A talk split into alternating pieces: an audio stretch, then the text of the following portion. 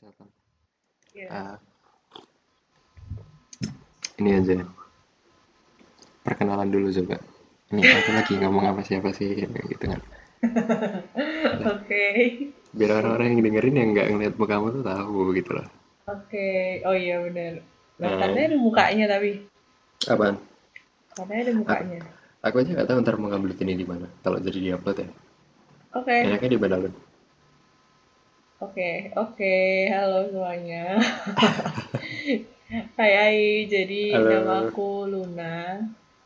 Terus apa lagi? Ya kamu sekarang sekolah di mana? Oh, iya. Kan mahasiswa mana? Oh iya, sekarang aku se- seorang mahasiswa sebuah universitas Eh, Yang letaknya di di mana tuh sebutin? Sebutin. namanya Universitas Indonesia. Asik. Sekarang lagi di Itu perpustakaannya jurusan- masih ada Starbucksnya nggak? Kenapa? Perpustakaannya masih ada Starbucksnya nggak? Udah pindah, sayangnya Oh, udah pindah. udah habis.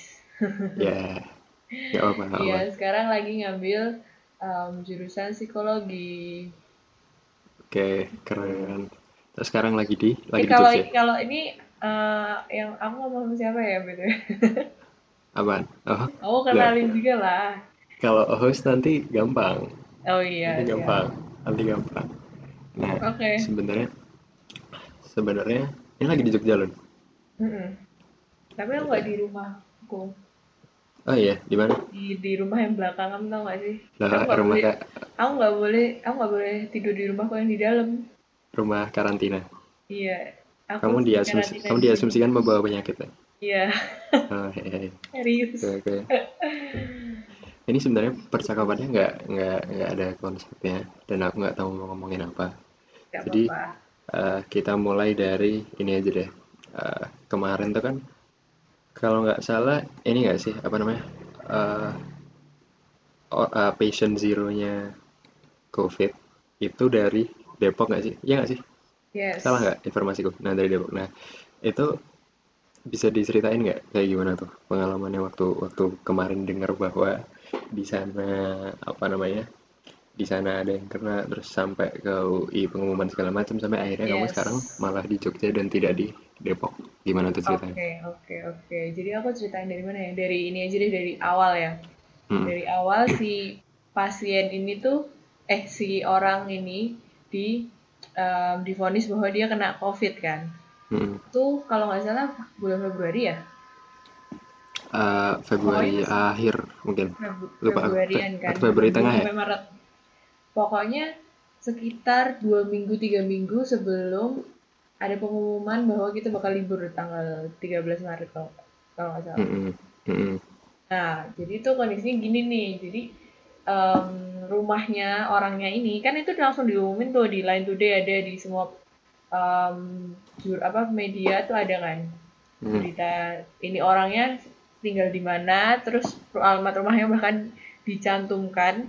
Yang menurutku sebenarnya padahal nggak perlu sedetail itu. Cuman eh, dicantumkan dan akhirnya em, kita tahu kan kalau rumahnya dia itu ternyata di sebuah perumahan di Depok yang deket banget dari UI, nggak banget sih, mungkin sekitar 8 kilo, 7 kilo, tapi itu terusnya deket kan. Hmm. Nah, terus akhirnya belakangan diketahui yang dia diceritain dia kenanya dari mana, kronologisnya gimana, bla bla bla ada. Hmm. Terus em, waktu itu kalau aku ngerasain di UI belum terlalu gimana-gimana karena kayak waktu itu vibes-nya kita juga masih kayak biasa aja kan. Maksudnya nggak yang terlalu merasa bahwa ini tuh sesuatu yang em, penting gitu kan. Jadi Hmm. kayak oh gitu, oh doang ini kan awalnya tanggal Oke. masih akhir-akhir Februari itu. Nah, terus sampai em, apa namanya beberapa waktu kemudian kan ada perkembangan lagi yang kena segala macam segala macam sampai Hmm. ada suatu berita yang bilang bahwa em, waktu ada ada salah satu korban yang meninggal Hmm. itu ternyata adalah seorang perawat RSCM. RSCM tuh yang rumah sakit di sebelahnya Salemba, UI Salemba. Hmm.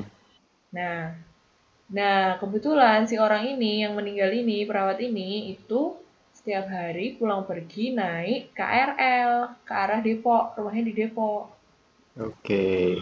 Oke, itu kan terus Lalu, nah, teman-temanku yang PP udah langsung mulai kayak anjing gue tiap hari naik KRL bla bla bla bla bla bla bla bla bla gitu.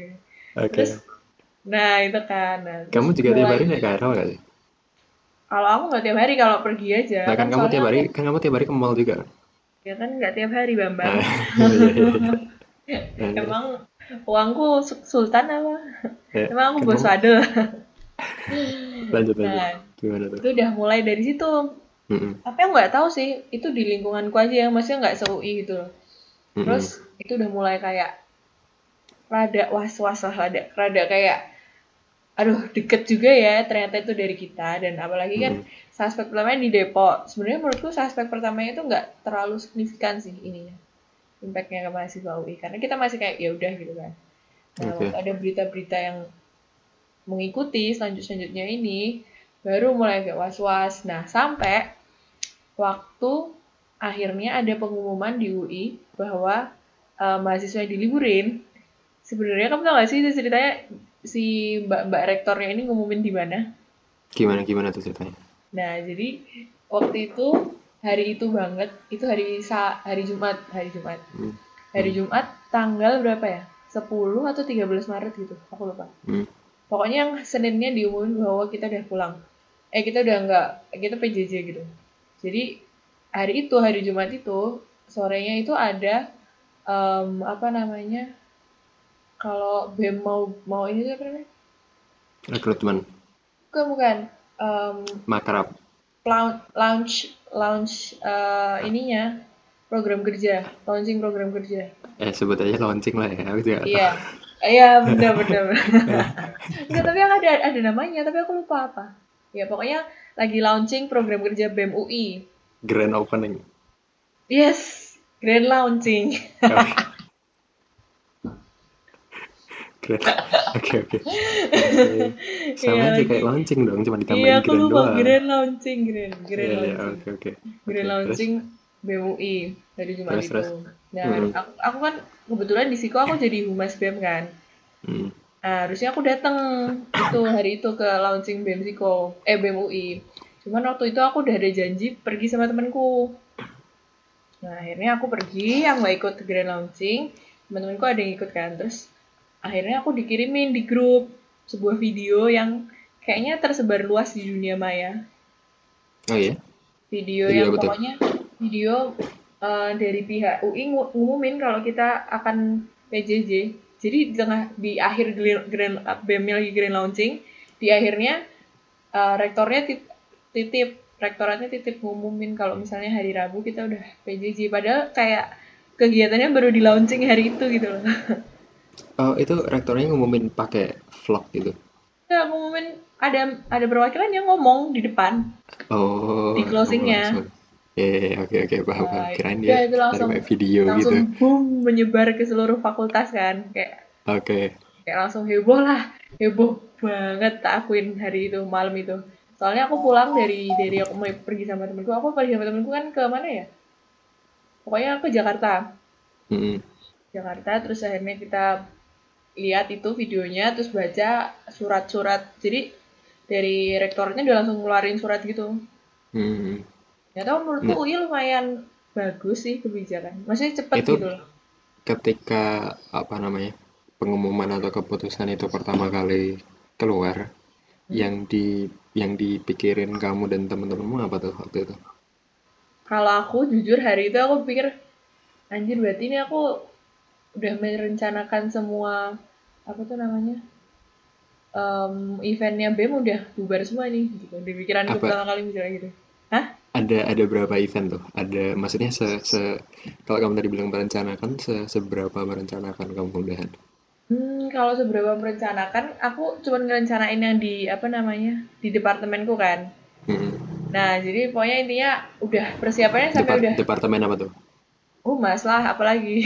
Oh ya, oke lanjut lanjut.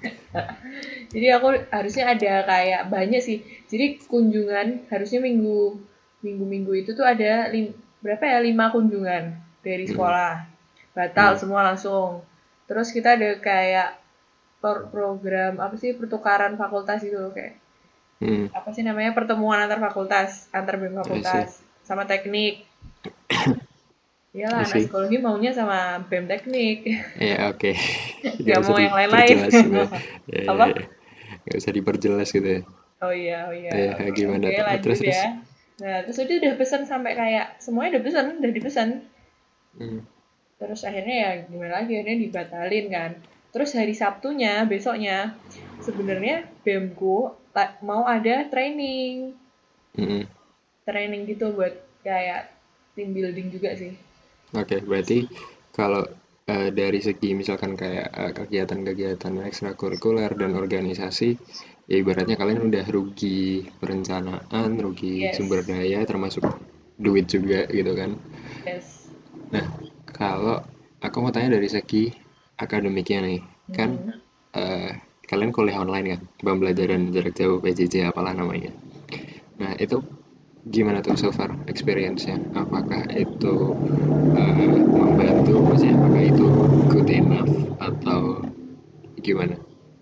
Oke, jadi kita lanjutin dulu dikit ya dari yang tadi Hmm. awal banget itu kan.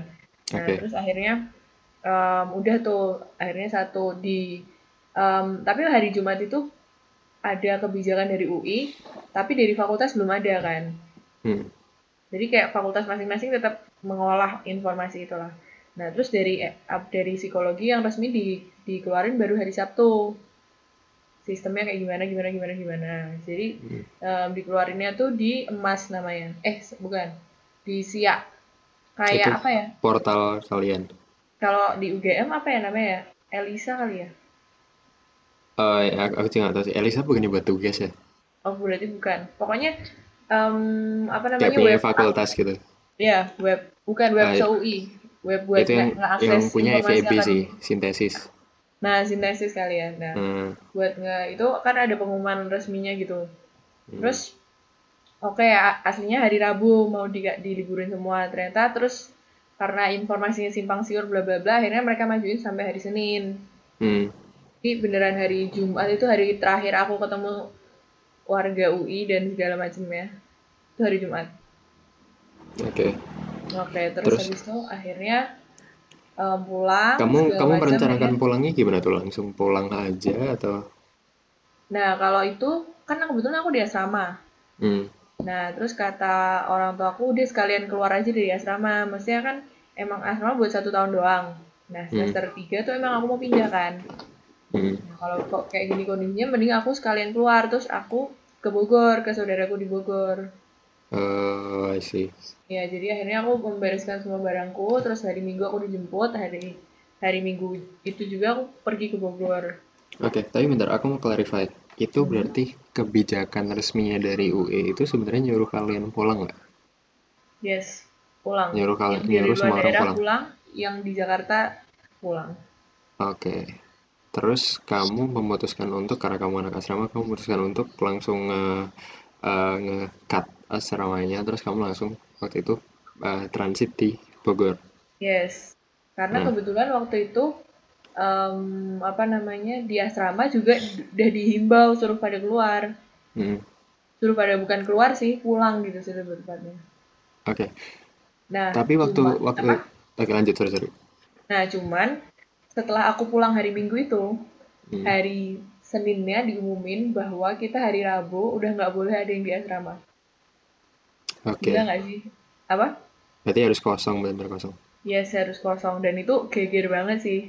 Sampai si ketua BEM-nya BEM UI yang baru, siapa ya namanya aku lupa. Pokoknya ketua Ya, BEM oke, yang aku aku aku UI juga yang tahu. baru, BEM UI yang baru itu sampai eh, ngeluarin eh, kayak apa ya kayak eh apa sih namanya pengumuman Sikap. resmi gitu loh Heeh.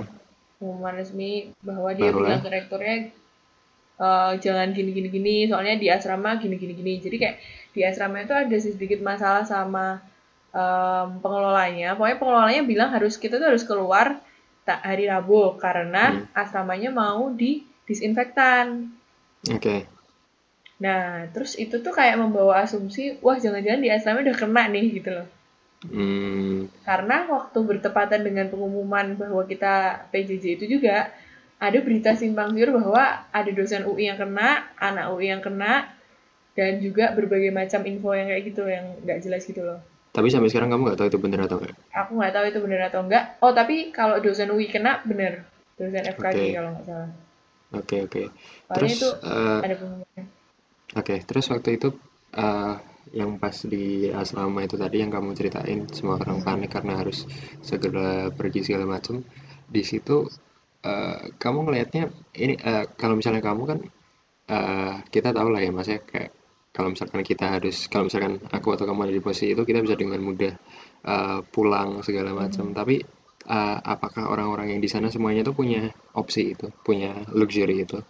Ya, oke. Jadi eh, kalau di asrama sendiri, Hmm. emang men- kalau dari pandanganku banyak orang yang emang punya kesulitan finansial untuk mobilitas ke kampungnya ya, karena Hmm. banyak banget yang di asrama itu yang dari luar Jawa, Hmm. yang tiketnya tuh aku bisa bilang mahal banget. Temen temenku ada yang eh, rumahnya di Ternate, tiket pesawat ke sana sekali berangkat tuh 3 juta. Mhm.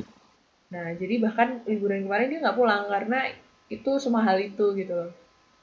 Nah, tapi emang dari dari pihak Pak Unifnya juga dari UI juga bilang kalau emang punya ada yang punya kesulitan untuk pulang karena dana dan berbagai macam hal lainnya, tolong lapor. Nah, terus Hmm. kalau aku ngerasain aksinya eh, bentuk nyata dari pernyataan itu tuh, jadi tiap BEM itu tuh punya adkat adkesma kan? Hmm. Ada adkesma nggak kalau di UGM? Ada, ada, ada. Nah, iya dari adkes adkesmanya itu ngeluarin em, kayak kuesioner buat seluruh mahasiswa. Pokoknya yang dari luar daerah dan punya kendala dan bla bla bla harus lapor di situ biar bisa Hmm, dicatat dan disatuin gitu loh. Oke, berarti emang dari UI-nya sendiri udah ada beberapa step-step yang diambil buat Yes. membantu itu kan. Hmm, Oke, terus habis itu kamu pindah ke Bogor nih. Yes. Nah, itu dalam rangka apa tuh? Transit atau gimana? Dalam rangka em, pokoknya Kamu bingung dari, mau ke mana? Dari enggak bapak ibuku tuh Ah. bilang udah ke Bogor aja intinya gitu. Oke. karena em, satu mereka merasa lebih aku lebih aman kalau di sana Hmm. karena aku gak bakal ke mana-mana lagi kalau aku Oke. aku misalnya stay di Depok aku pasti akan pergi-pergi gitu loh Oke, oke. Iya Nah. bener juga ya. iya kan Nah. akhirnya ya udah aku ke ke Bogor ke Bogor waktu itu aku belum pesen tiket pesawat aku pesennya baru hari Senin kalau nggak salah lupa Hmm. pokoknya akhirnya aku waktu itu aku juga nggak tahu mau pulang kapan soalnya Oke. Tisa udah pulang duluan Tisa kan eh, kebetulan aku ti- tipenya nggak yang terlalu panik gitu kan Mm-mm.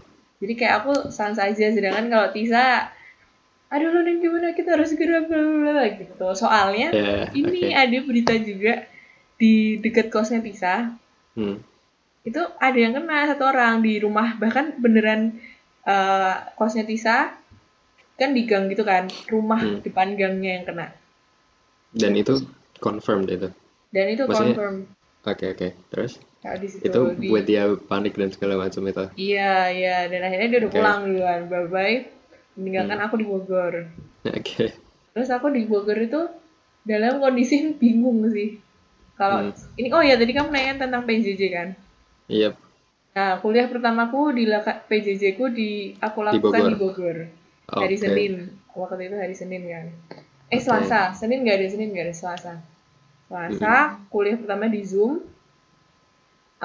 Ma- ya biasa dengan problematika kegaptekan dosen dan bla bla Oke. bla dan mahasiswa Oke. yang em, bingung juga mau gimana kan. Mm-mm. Soalnya itu Tapi kamu- itu apa? Maksudnya kamu ngerasain bahwa itu eh, bisa jadi pengganti nggak sih? Soalnya kalau misalnya buat eh, buat aku misalnya yang aku di teknik mesin dan harusnya eh, apa namanya? Ini kan UGM akhirnya kan keputusannya kalau nggak salah selesai akhir April kan awal Mei gitu kan tambah Oke. tambah UAS. Nah aku ibaratnya aku yang harusnya belajar segini dan itu ribet-ribet semua tuh jadi kayak jadi kayak aku cuma belajar segini dan aku nggak yakin nama kemampuanku sendiri di paham nggak sih maksudnya aku ya nggak tahu apakah aku benar-benar bisa mempelajari itu dengan dengan medium apa namanya online kelas dan segala macam. Dan otomatis kalau misalkan selesainya akhir April aku cuma punya tiga pertemuan lagi nih.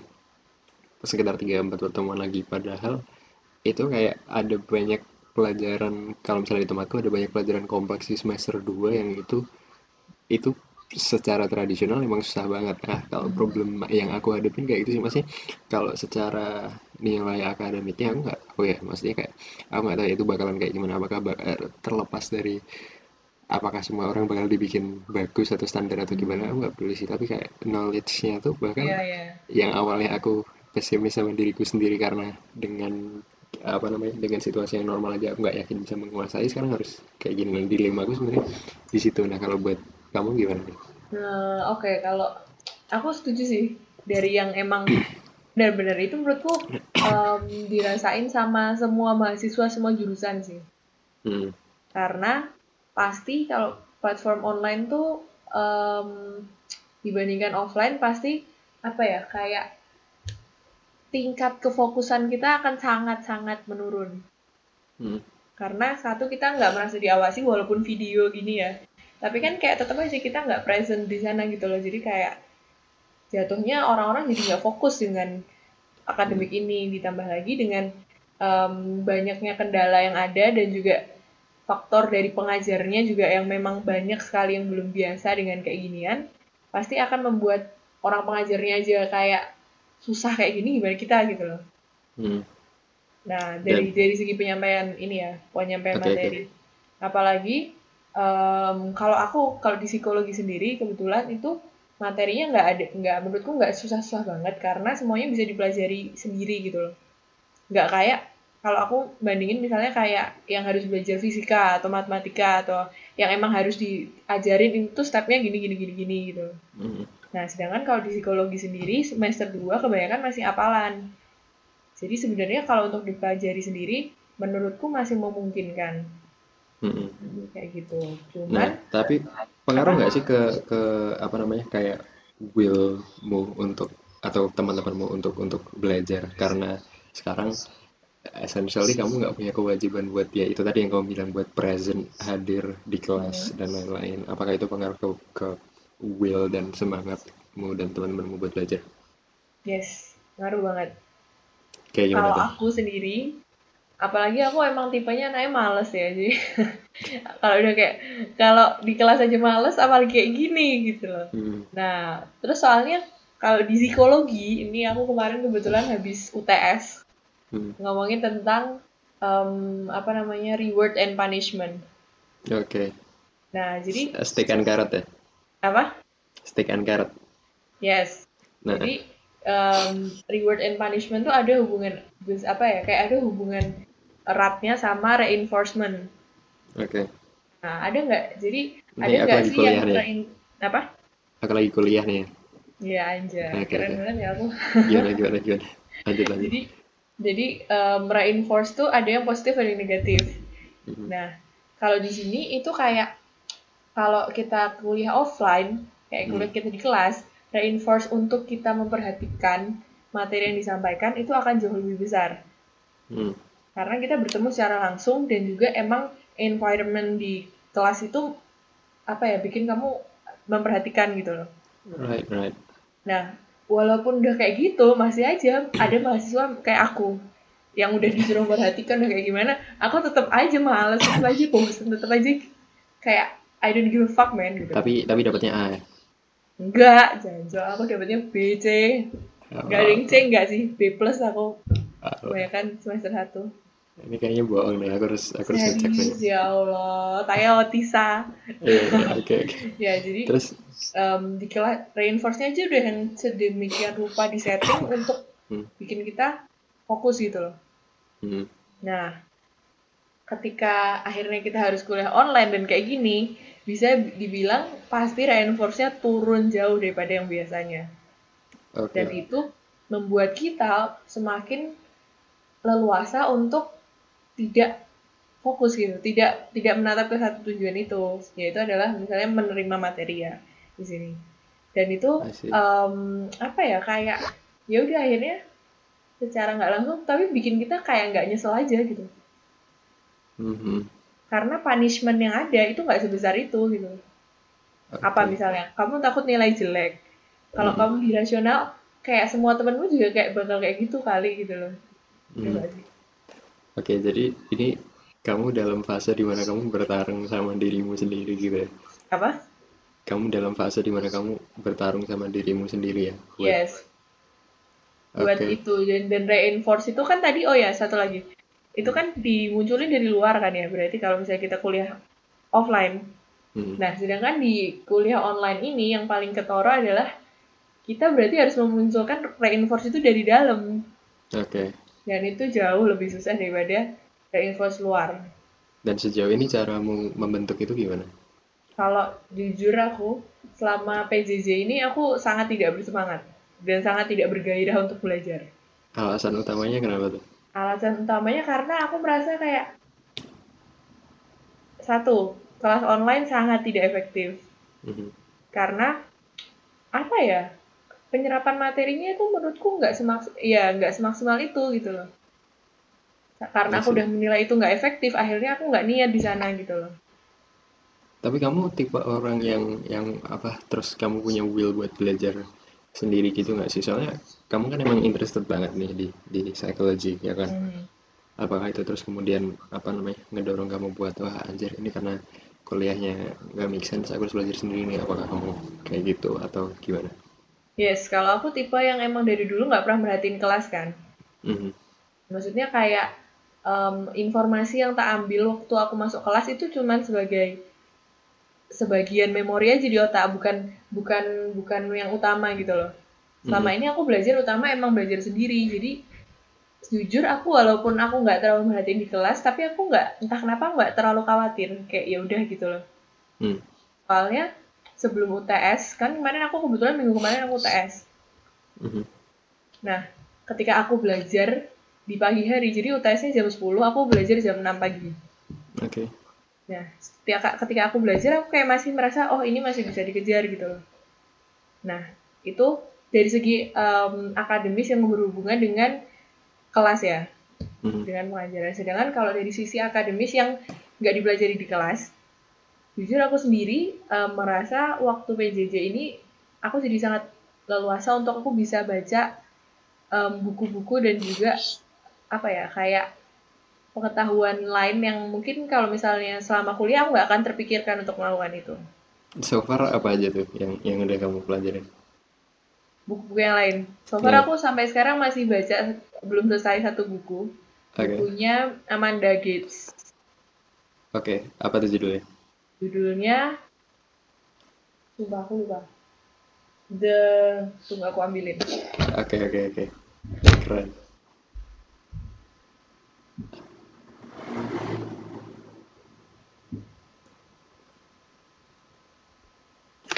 Tarat!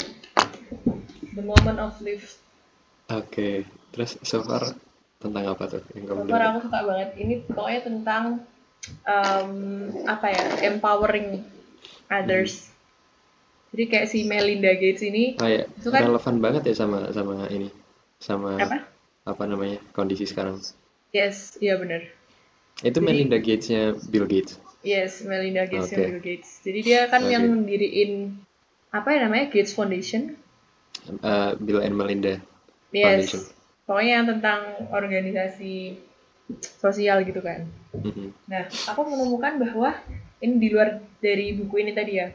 Em, di PJJ ini tuh sebenarnya membuka kesempatan buat kita untuk memikirkan hal-hal yang selama ini mungkin kita nggak pernah pikirin Hmm. selama kita hidup gitu loh. Soalnya kita belum pernah ada di waktu di mana kita bisa bener-bener ya udah sendirian nggak tahu mau ngapain gitu. Iya sih, iya sih. Setuju, Iya kan? setuju. Itu Kalau apa?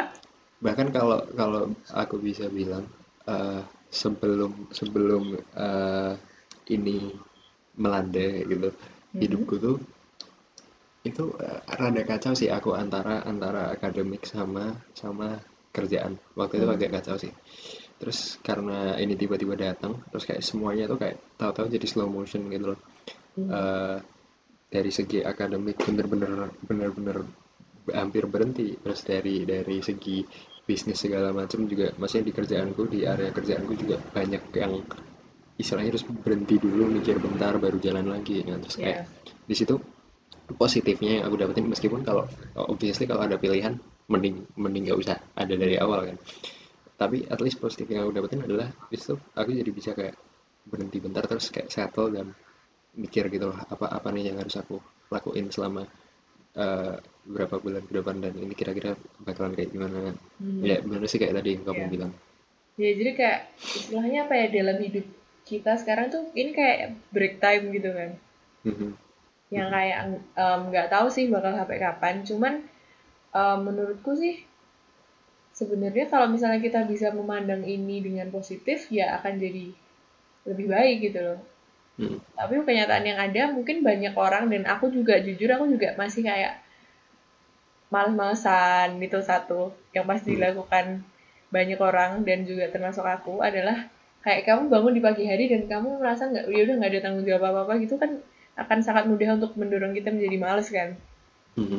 Ya udah Betul. akhirnya copingnya adalah aku aku nonton drakor Hmm. aku nonton YouTube coping-coping negatif ya apa Asik, lanjut lanjut. Ya itu coping-coping negatif yang ada ya. Aku kayak apa Hmm. ya em, melakukan hal-hal yang selama ini aku ingin lakukan. Yaitu adalah Right. berbalas iya bener-bener ya kan? Bisa Nah, relate terus- bisa relate. tapi itu hanya bertahan satu minggu pertama.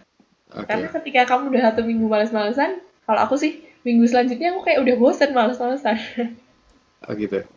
Iya ya. kalau terus pengen gitu. pengen rajin lagi ya bagaimana apa?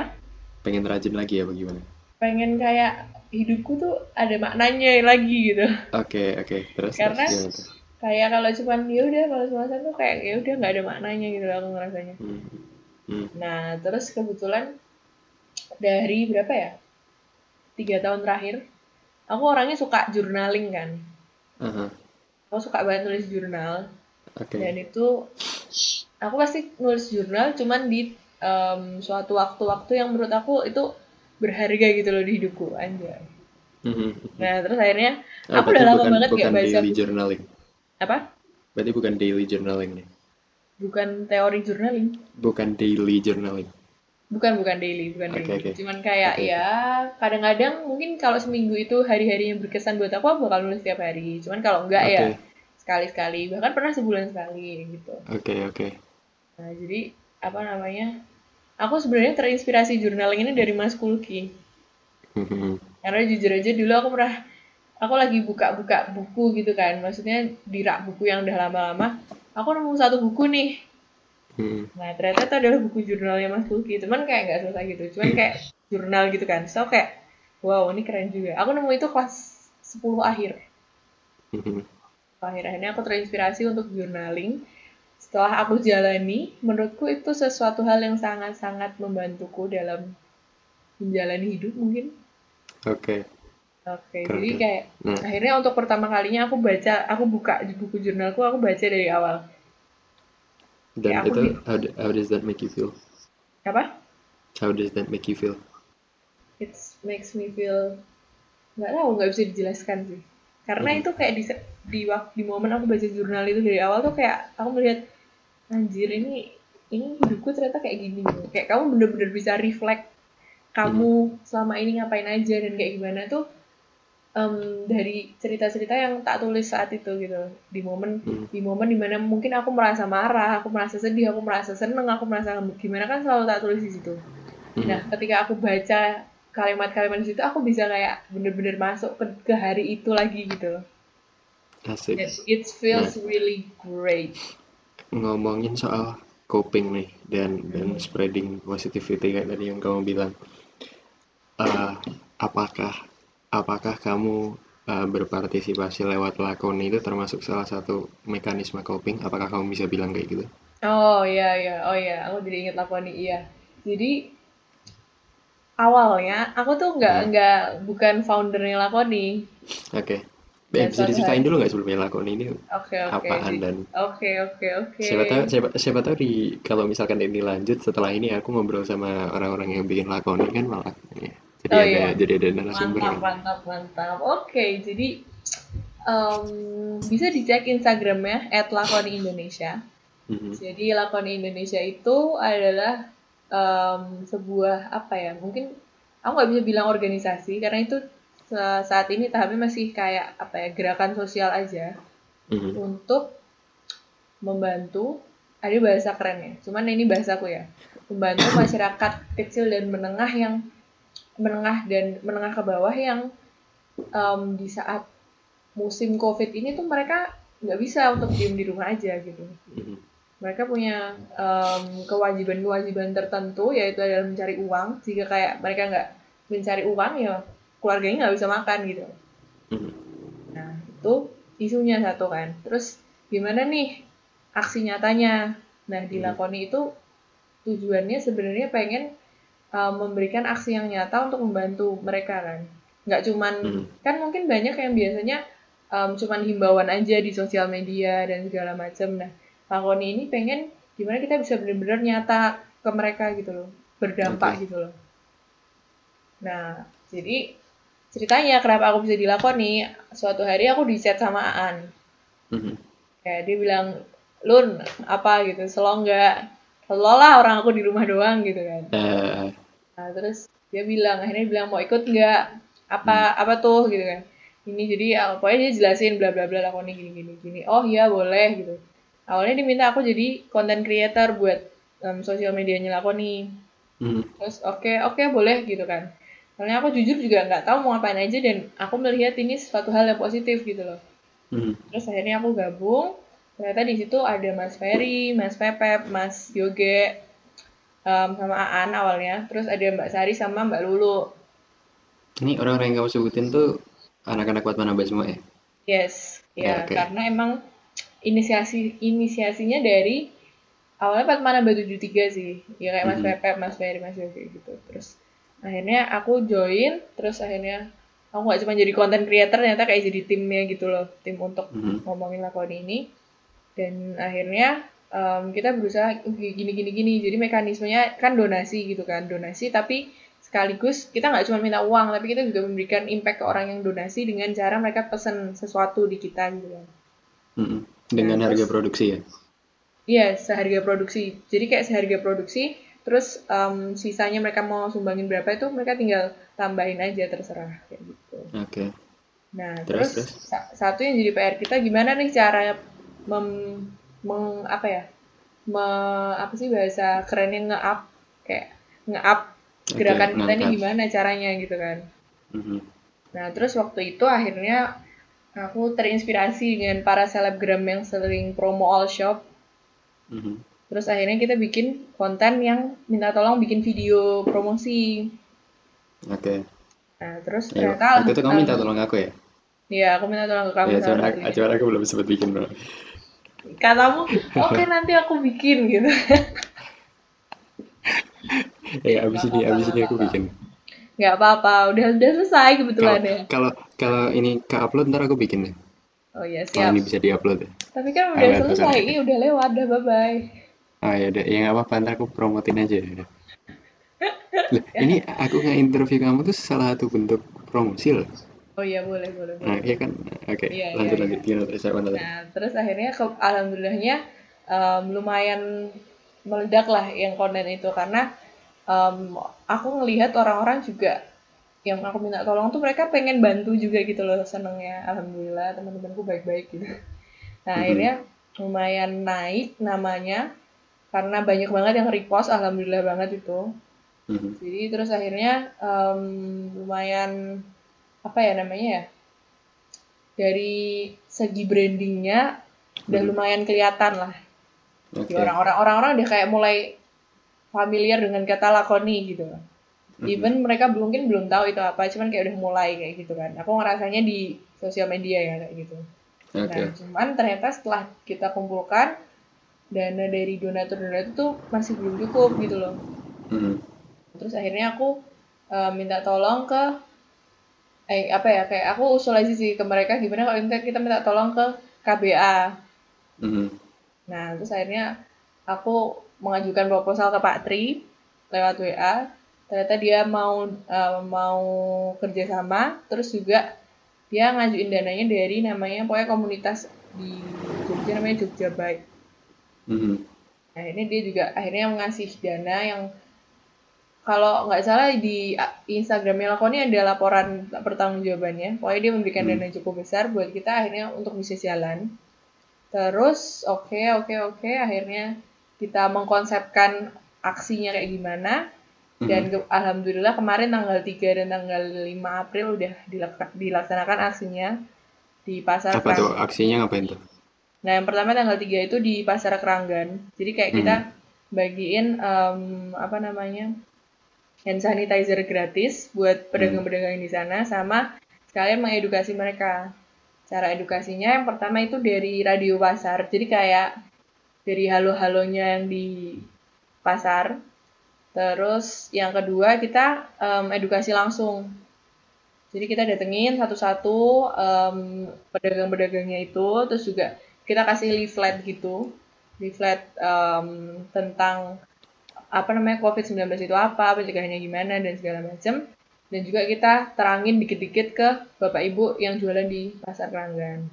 Terus yang kita temukan di lapangan adalah emang benar em, kaum-kaum yang mungkin belum terpapar informasi tentang kayak gini secara eh, masif itu mereka kayak nggak nggak apa ya awarenessnya tuh jauh gitu loh mereka hanya terdampak covid ini cuman mereka nggak mengenal covid ini apa Nah, seberapa jauh sih gap informasi tersebut? Maksudnya kalau buat orang-orang kalangan kita gitu yang mahasiswa kayak eh, apa ya? Kita udah kalau menurutku kita udah cukup banyak terinform tentang ini, ini tuh apa, mulai dari mana cara cara preventifnya gimana, kalau udah kena kayak gimana segala macam segala macam. Nah, di di masyarakat yang kamu lihat tuh sejauh apa sih gapnya?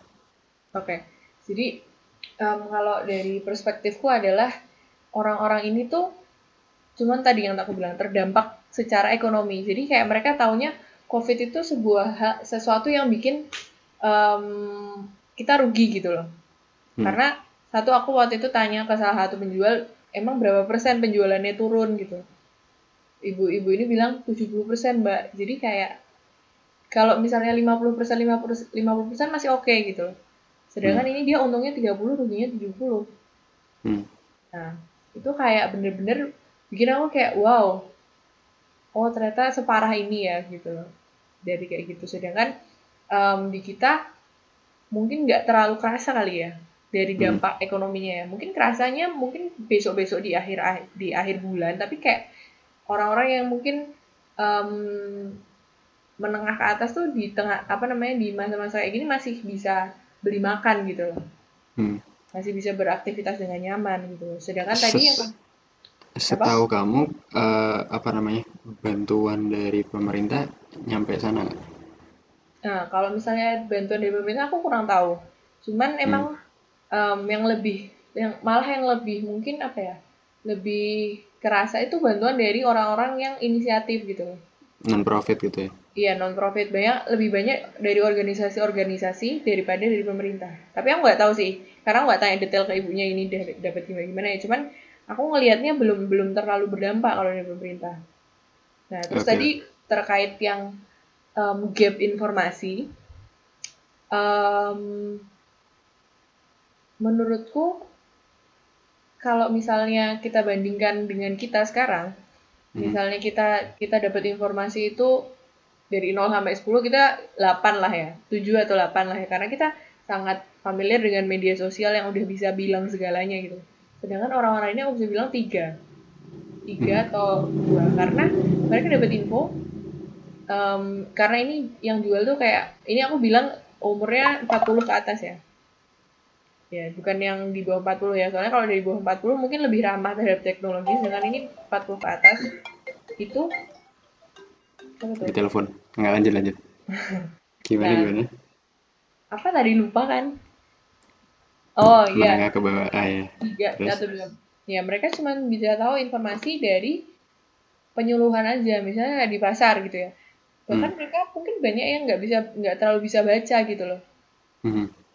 Mereka nggak baca koran, nggak baca apa. Mereka cuma mendapat informasi itu dari orang yang emang ngasih tahu langsung gitu loh. Oke. Nah, salah satunya mungkin penyuluhan dan kayak gini dan juga em, apa namanya orang-orang ini tuh bahkan merasa mungkin mereka nggak akan beresiko untuk kena COVID gitu. Hmm. Karena kayak apa ya? Nggak nggak ada nggak ada nggak ada gerakan dari pemerintah yang benar-benar bisa menyuarakan bahwa ke orang-orang yang kayak gini tuh bahwa em, COVID ini tuh ada nyata dan berbahaya gitu. Right. terus kalau menurutmu ke depannya bakalan kayak gimana nih? Hal-hal seperti apa sih yang bakal kita hadapi? Soalnya kan ada ada banyak banget issues nih yang kamu sebutin tadi kayak misalkan itu tadi soal uh, ekonominya kelas menengah ke bawah dan survivability-nya mereka. Terus kayak tadi kita sempat nyinggung tentang uh, apa coping mechanisms dan mental health juga uh, hmm. tentang apa sih kayak kita terisolasi di tempat kita masing-masing dan dan nggak punya interaksi sosial segala macam tentang terus kita tadi nyinggung tentang akademik juga tentang gimana kira-kira itu bakalan play out ke depannya dan seberapa efektif, efektif segala macam nah kalau menurutmu bulan-bulan ke depan bakal kayak gimana nih? Hmm, berat ya kayaknya ya pertanyaannya. Karena aku jujur aku masih tidak bisa mempetakan kira-kira akan kayak gimana. Hmm. Cuman um, dari kondisi yang sekarang aku bisa bilang besok ini malah akan jauh lebih berat daripada yang sekarang-sekarang ini. Karena kalau dilihat dari waktunya, kita kita baru tiga minggu ya. Hmm. Iya nggak sih tiga mingguan, jalan sebulan lah. Sedangkan kemungkinan ini akan terjadi itu masih dua sampai tiga bulan ke depan gitu loh. Dan ini bahkan kita belum menyentuh puncaknya dari permasalahan yang ada kita baru terdampak mungkin secara um, apa namanya secara ekonomi mungkin masih di awal-awal terdampaknya akan jauh lebih parah lagi ketika mungkin udah satu bulan uh, jalan dua bulan dan segala hmm. macam itu masalah-masalah yang ada menurutku jauh lebih akan jauh lebih kompleks karena kayak istilahnya kita tersuspend tuh dari itu tuh kayak kesuspend kegiatannya tuh dari semua aspek gitu loh. Hmm. Kita, kalau aku sih bisa bilang kita sekarang lagi lumpuh gitu loh. Alright. Dan ini kamarmu kira-kira aja nih kalau misalkan kamu punya prediksi dan perkiraan bakalan yeah. sampai kapan? Pertanyaan sejuta orang nih. Pertanyaan sejuta orang, kalau aku boleh jawab mungkin sampai Juni. Oke. Okay. Juni atau Juli. Otomatis kan uh, kita semua sampai saat itu hmm. pasti akan melimitasi uh, apa namanya exposure sosial kita kan. Nah, kamu sebagai anak psikologi hmm. punya ini nggak punya punya tips untuk staying sane enggak? Staying staying sane, oke. Okay. Staying alive. Wow. Apa? Staying alive. Apa?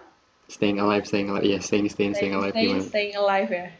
Oke. Okay kemarin aku habis baca salah satu caption orang di IG yang dia hmm. bilang gini setelah ini semua berakhir akankah kita tetap menjadi manusia yang sama seperti kemarin gitu hmm.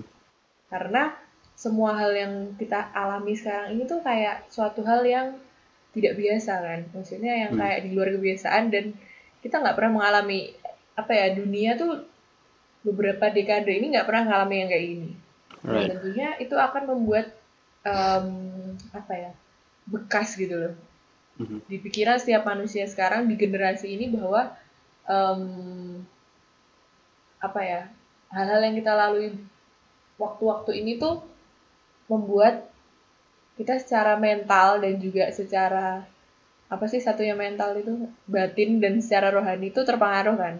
Mm.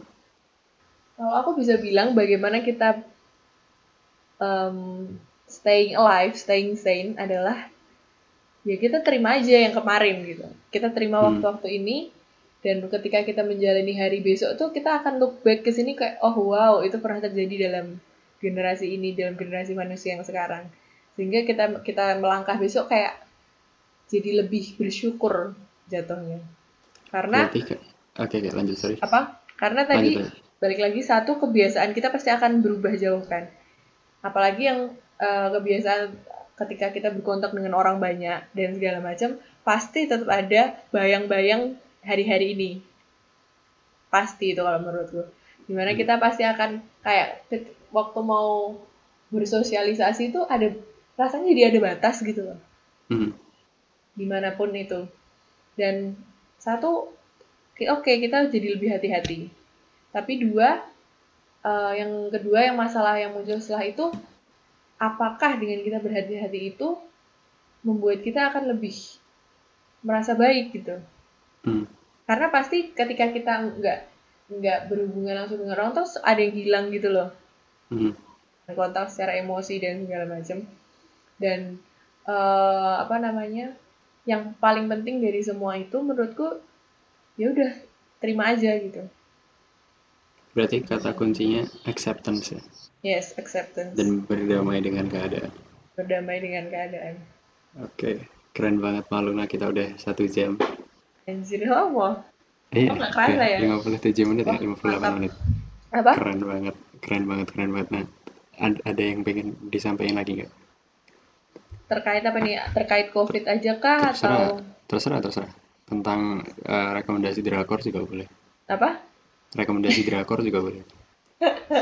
Terserah, terserah. Ada yang aku pengen nonton disampaikan. nggak? Itaewon Class itu satu hari doang loh 16 episode satu hari sedangkan satu hari 24 jam aku Oke. 16 jam nonton Itaewon Class menggambarkan betapa desperate-nya aku dengan segala situasi ini Berusaha staying sane ya. Guys, staying staying oh ya satu lagi mungkin ini yang Oke. terakhir kali ya Em, aku pengen bilang aja sih ke mungkin orang-orang yang bakal dengerin podcast ini atau siapa pun ke Kalau kamu ada ya, dan kalau ada ya. Oke, oke. kalau kalau dia apa dan paling penting ke diriku sendiri sih. Em, setiap eh, kondisi yang ada tuh sebenarnya eh, 5% tuh kondisinya 95% itu respon kita Nah jadi dengan segala hal yang terjadi ini jangan terus ngeblaming bahwa kondisi ini yang membuat hidup kita seperti ini padahal sebenarnya itu cuma 5% gitu 95% tuh reaksimu kayak bakal kayak gimana. Jadi please Luna, buat Luna, temukan coping yang baik. Jangan jangan apa ya, terus akhirnya membebankan semua ini dengan keadaan yang seperti aku bilang tadi. Mhm. Jadi eh, temukan coping yang baik, terus satu lagi ya udah jangan neko-neko deh. Gitu. Keren. Gokil. Kalau tentang lakoni ada yang mau ditambahin? tentang lakoni semoga eh, masih ada program eh, yang jangka panjangnya yang ke depannya nggak Hmm. cuman eh, apa namanya nggak cuman berhenti di aksi-aksi yang kemarin aja cuman aku sangat berharap kalau misalnya bakal ada aksi-aksi lanjutan yang emang akan lebih berdampak lagi kepada masyarakat gitu. Oke, kalau orang-orang mau donasi bisa ke mana? Orang-orang yang mau donasi bisa cek IG-nya di @lakon Indonesia. Nanti di sana ada nomor WhatsApp-nya, bisa langsung diklik terus di chat deh. Adminnya baik kok, tenang. Oke, keren. Thank you, Maluna. Oke, dadah. Udah nih. Tepuk tangan buat kita semua.